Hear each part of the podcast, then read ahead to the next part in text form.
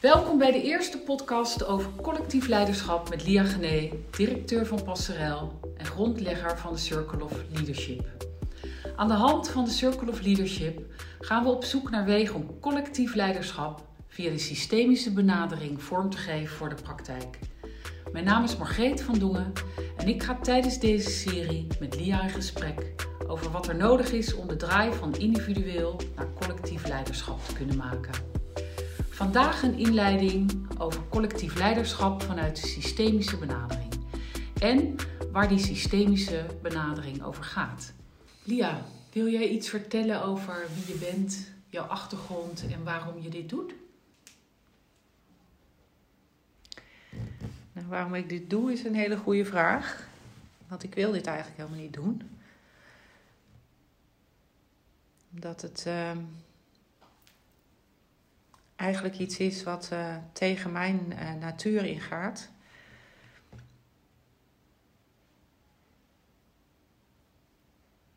Maar je doet het toch? Ja, omdat het. Um, ik ben eigenlijk zo aan het worstelen met het gegeven dat alles en iedereen, mede door de technologische ontwikkelingen, zo ontzettend zichtbaar wil worden en wil zijn en zich wil laten horen en zien. En tegelijkertijd um, in de realiteit heel vaak steeds verder uit verbinding raakt met elkaar, met werkelijk relatie aangaan. Dat vind je al heel lang, toch? Dat vind ik al heel lang. En ik denk dat ik daarom ook uh, in mijn leven bezig ben zoals ik bezig ben. Dus op de voorgrond komen, ook via zo'n podcast, vind ik een hele ingewikkelde zelf. Alleen tegelijkertijd vind ik het zo van belang om bij te dragen aan in verbinding zijn in relatie zijn met elkaar. En daarin de weg te vinden voor de grote kwesties. En dat heeft eigenlijk zijn oorsprong vanuit mijn jeugd. Ik ben dochter in een gezin waar drie kinderen zijn geboren en ik ben de oudste. Um, en heb een zus en een broer mogen krijgen. En wij zijn opgevoed natuurlijk nog in de, in de tijd dat je ouders uh, nog de oorlog mee hadden gemaakt. Mijn kinderen hebben die natuurlijk niet meer meegemaakt. Dus ik ken nog wel uh, zo de uitwisseling um, tussen je eigen individuele autonome ontwikkeling en ouders die andere kansen hadden, maar ook meer in een gemeenschap nog verkeerden. En ik weet eigenlijk niet beter dat ik uh, van kinds af aan de wereld altijd bekeek uh, in de zin van wat gebeurt er nou in het hele beeld en het hele veld wat ik zag. Dat ging automatisch bij jou? Dat ging als het ware automatisch, geloof ik, ja. Uh, mijn moeder, die zei vroeger altijd al heel jong, ik denk dat ik een jaar of vijf, zes was, dat ik zo kon staren als we in gezelschap waren. En dat ik zelfs uh, mijn mond af en toe dicht moest doen, omdat die open viel. En ik te veel naar mensen aan het staren was. En dat was denk ik toen al in verwondering van hoe verloopt die interactie nou? En wie heeft nu het hoogste woord en wie zegt er niks? En wie zijn wel met elkaar in contact? En wie zit er apart, uh, geïsoleerd, alleen? Uh, ik was daardoor gefascineerd. En dat is eigenlijk ook wel uh, gaandeweg gebleken dat ik, um, ja, daardoor denk ik ook uiteindelijk een vak heb gekozen om te begrijpen waar menselijk gedrag voor zou kunnen staan. Ja, want het heeft ook jouw stappen bepaald, hè? In je loopbaan. Ja, ik heb, ik heb gekozen om gedragswetenschappen te gaan studeren. En ik denk, uh, reflecterend, dat dat wel de grondlegger had in die fascinatie als kind voor hoe mensen, hoe andere kinderen, hoe docenten, die ik natuurlijk ook allemaal heb mogen hebben zich lieten zien. Wanneer mensen wel gezien werden, wanneer mensen niet gezien werden, wanneer de energie tussen mensen kon stromen en je mooie dingen tot stand kon brengen, of wanneer het juist uh, totaal uit elkaar geraakte. En dan uh, was het niet altijd te duiden waardoor dat kwam, maar het was wel zichtbaar in bepaald gedrag van mensen. Dus ik heb toen gekozen om uh, vanuit dat gedrag in te stappen, om verder te onderzoeken en te verkennen en te leren begrijpen. wat maakt nou dat mensen zich soms gedragen zoals ze zich gedragen?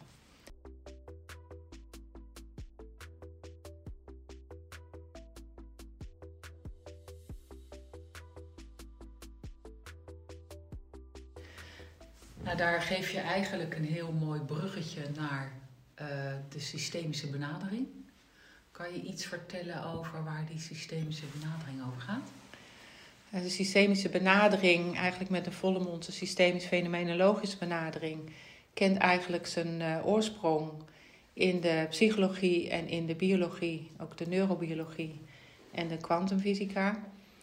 Uh, waar we, ik in mijn opleiding vooral ook wel de systeemtherapie en het systeemdenken um, heb, heb geleerd en heb gekregen. Maar dat ging heel erg kijken naar systemen in hun isolement van het systeem. En vooral ook achterhalen wat uh, in de problematiek oorzaak en gevolg was binnen dat systeem. En de systemische benadering kijkt eigenlijk breder en zegt eigenlijk ieder systeem is altijd weer een deelsysteem van een nog groter systeem. En daaruit is eigenlijk het begrip systemisch ontstaan, waarbij we willen duiden dat geen enkel systeem los gezien kan worden of niet in samenhang gezien kan worden met nog grotere systemen of andere deelsystemen. En de filosofie heeft daaraan bijgedragen door de stroming van de fenomenologie, die eigenlijk opnieuw aandacht heeft gevraagd voor kun je niet alleen kijken um, naar oorzaak en gevolg, maar juist naar de samenhang. Dus kijk het in de hele context. Maar kun je de werkelijkheid ook weer aanschouwen zoals die zich laat zien, als fenomeen zich presenteert en die voor waar nemen en waar aannemen in dat moment. Zonder dat je probeert te verklaren, zonder dat je probeert te analyseren, maar eigenlijk met je hele uh, zintuigelijke waarneming in het moment de werkelijkheid aanschouwen en de informatie die dat geeft ook serieus nemen als een bron van uh, informatie en wijsheid. En zowel dat systemische als dat fenomenologische is eigenlijk in zijn geheel een manier van de werkelijkheid in ruimere zin in de context en in samenhang willen begrijpen. We gaan daar wat verder op inzoomen, want dat, die systemische benadering heeft uh, bepaalde kenmerken. Daar ga je iets uh, over vertellen.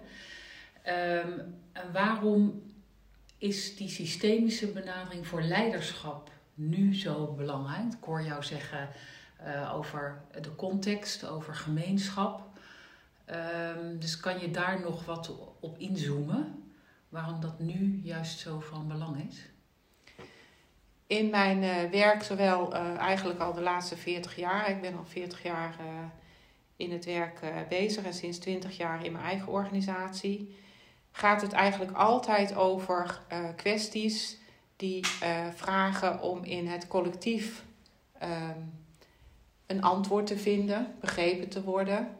Terwijl we de laatste decennia met stip, denk ik, en eigenlijk is dat misschien al wel begonnen naar de periode van verlichting, waar we het accent hebben zijn gaan leggen op de rationele kant, uh, om naar de uh, wereld te kijken en de benadering van oplossingen vinden. Zien we vandaag de dag, wanneer we toch in een mondiale context ons bewegen en ook alle problemen, zowel sociaal als economisch als geopolitiek, um, zo groot zijn en niet meer individueel te benaderen zijn en ook niet meer vanuit een rationele invalshoek alleen zijn antwoorden vindt. We steeds meer zoeken naar hoe kunnen we de grotere contexten nog begrijpen. En de systemische benadering um, geeft de mogelijkheid om vanaf uh, de voorkant meteen naar de wereld en de problematiek te kijken in zijn hele context. En te zoeken naar het voorkant. Um, eigenlijk vanaf het moment, of eigenlijk in zijn algemeenheid, dat je naar de wereld kijkt met een blik uh, van kijken naar samenhang en de context waar je in bevindt. En wat is daarin, wat allemaal met elkaar interacteert en in uitwisseling is met elkaar. En wat komt er dan misschien op de voorgrond, wat komt er op de achtergrond. Um, en niet alleen in te zoomen op één aspect daarvan en daar de dingen uit elkaar te halen en te analyseren, maar tegelijkertijd het in het geheel te blijven plaatsen. Dus die systemische benadering heeft een aantal ja, wetmatigheden, zou je kunnen zeggen. Ja, we hebben natuurlijk in de psychologie en ook in de biologie um, zien we, en zeker onder invloed van de kwantumfysica, zien we dat niets uh, los te zien is van elkaar en alles in onderlinge samenhang zich beweegt. En we, we, we zien dat, dat als je kijkt naar sociale levende systemen, de systemische fenomenologie gaat uit van uh, levende systemen. Wat interacteert er allemaal in en wat zie je steeds als wetmatigheid daar eigenlijk in terugkomen? En dan zien we uh, dat je eigenlijk zou kunnen zeggen: er is wel een soort bril waardoor je kan kijken met een aantal kapstokhaken, zou je kunnen zeggen, die je focus geven voor die systemische waarneming. Wat kun je nou zien in bewegingen? En dan kun je denken aan hoe compleet is dit systeem of dit deelsysteem? Wat wordt er ingesloten en wat wordt er uitgesloten? Er zijn toch twee bewegingen die in een systeem zich steeds laten zien. Dus dat kun je in organisaties zie je dat er uh, best delen van een organisatie goed acteren en kunnen functioneren, terwijl een ander deel van die organisatie daar moeite mee heeft. wat gebeurt er dan? Dan kan het zo zijn dat uh, in het ene deelsysteem uh, zeg maar de uitwisseling in uitreiken en nemen, dus ook zo'n kapstokhaak waardoor je naar de werkelijkheid kan kijken. Wat is er aan beweging van geven en nemen tussen mensen en delen in een organisatie? of tussen disciplines in een organisatie. En wat wordt er uitgesloten? Dus wat mag er wel bij horen of wat mag er niet bij horen? En kun je ook kijken wat de plek van elk aspect is in de context. Dat kan zijn van mensen, dat kan zijn van keuzes in, uh, in beleid. Wat vind je op de voorgrond moet staan, wat moet er op de achtergrond staan? Is uh, financiën op dit moment uh, de focus van aandacht, wat primair het centrum is uh, binnen een organisatie? Of is het het sociaal-emotioneel verkeer in een organisatie? Het welzijn? Dus daar zitten verschillende keuzes in, die niet per se altijd expliciet gemaakt worden, maar impliciet wel plaats hebben gevonden. Dus de wetmatigheid van een systeem dat compleet wil zijn, zoekt naar een juiste uitwisseling in geven en nemen, uh, zien we overal terug. Zoeken naar een plek in een ordening, uh, waarbij er een onderscheid is tussen hoe we dat in ons persoonlijke leven hebben. Staan ordeningen, zeker in familiesystemen, staan ze vast in oorsprong, terwijl in andere systemen, maatschappelijk en in organisaties, die ook in verandering kunnen zijn. Je kunt verschillende plekken innemen. En we hebben natuurlijk uh, in het systemische gaan we ervan uit dat we altijd in het nu, in het heden werken en kijken. Maar we zijn wel gericht uh, op de toekomst. Dus daarmee weet je ook eigenlijk altijd, is er ook al iets in dit levende systeem wat tot een einde wil komen of wat zijn bestemming bereikt. Eigenlijk vier van die wetmatigheden die in ieder levend systeem continu in werking zijn en wat ons helpt om naar te kijken. Dus de systemische benadering kijkt ook altijd naar de context. Ja, waar we uh, zeg maar uh, in het lineaire denken, wat we natuurlijk ook allemaal uh, geleerd hebben, waarin we de dingen uit elkaar halen en we analyseren belangrijk vinden om de werkelijkheid of een kwestie te begrijpen. En we kijken naar oorzaak- en gevolgrelaties, die ook ontzettend belangrijk zijn en waar we ook veel aan hebben gehad en ook niet overboord hoeven gooien zeggen we vanuit de systemisch fenomenologische benadering, zeggen we, we kijken naar de context als geheel. En vanuit het weten dat de dingen niet los van elkaar te zien zijn, uh, is naast die blik van de analyse, laten we de dingen juist bij elkaar. Dus we halen ze niet uit elkaar, maar we gaan ze bekijken en observeren in de samenhang. En wat zijn de verbindingen die er zijn tussen de verschillende onderdelen in een systeem of in een deelsysteem of in een nog groter systeem. Dat is eigenlijk jouw oproep hè, om, om deze podcast te maken. Van, uh, laten we de dingen in een samenhang bekijken. Um, en dat is natuurlijk meteen uh, de lijn naar collectief leiderschap. Ja, um, dus het kijken in samenhang denk ik dat het belangrijk is. Dus maar ook in samenhang. Dus collectief leiderschap is enerzijds um, de collectiviteit zien van de gelaagdheid van zowel het persoonlijke als in een organisatiecontext als in de samenleving als geheel. Dat is een grote collectief. En tegelijkertijd in leiderschap in organisaties, want daar mag ik mij uh, steeds uh, mijn diensten ook uh, in aanbieden, is hoe kun je nou een organisatie vanuit bestuur, vanuit leiderschap, hoe kun je een hele organisatie en al zijn onderdelen daarbinnen deelgenoot maken van de ontwikkeling in die organisatie die gewenst is voor de toekomst. En de vraagstukken te begrijpen, maar ook met elkaar als collectief daar uh, oplossingen voor vinden. Of in ieder geval in gezamenlijkheid de stappen daarvoor te maken. Omdat je in gezamenlijkheid als collectief andere informatie hebt, maar ook andere eigenschappen hebt ontwikkeld met elkaar, dan wanneer je dat individueel in losse onderdeel gaat bekijken. Nou heb jij een uh, film gemaakt uh, op, en een model ontwikkeld om daar in de praktijk mee aan de slag te kunnen. Individueel en in organisaties als collectief. En daar gaan we in volgende podcasts op inzoomen. Um, kan je iets vertellen over die Circle of Leadership? Levende systemen in beweging krijgen, maar ook dat nog in gezamenlijkheid doen vanuit een collectief, uh, is enerzijds mooi gezegd. Um, en ook wel een verlangen wat je steeds meer hoort uh, uh, om je heen en in de samenleving. Uh, hoe kan ik enerzijds autonoom blijven, maar anderzijds in uitwisseling blijven met de context waarin we met elkaar zijn? Hoe krijgen we in organisatiebeweging voor die maatschappelijke behoeften waarvoor die organisatie is opgericht ooit? En hoe krijgen we dat ook nog in een bredere maatschappelijke context in goede uitwisseling met elkaar? Daar hebben we elkaar bij nodig. Maar de vraag, hoe doe je dat nou, dat is tegelijkertijd iets waar iedereen ook mee worstelt om het handen en voeten te geven in de praktijk.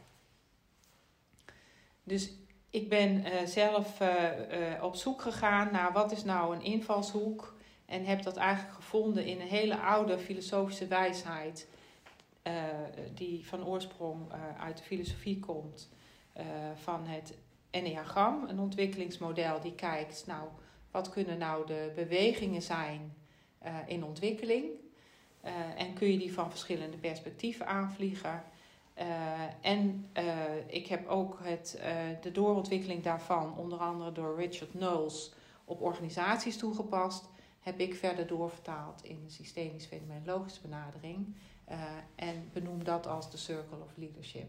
En dat is eigenlijk een manier om met het collectief in organisaties het verhaal van de organisatie te herontdekken, uh, het gezamenlijk narratief uh, weer schrijven uh, vanuit historisch perspectief, maar in het heden geplaatst met elkaar ook het verhaal gaan schrijven over de toekomst. En wat dat dan betekent in houding en gedrag, in handelen en het maken van keuzes met elkaar. En daar is het helpen bij. Dankjewel, Lia, voor deze inleiding. In de volgende podcast gaan we kijken naar de eerste stap van de circle en hoe dat in de praktijk uitpakt.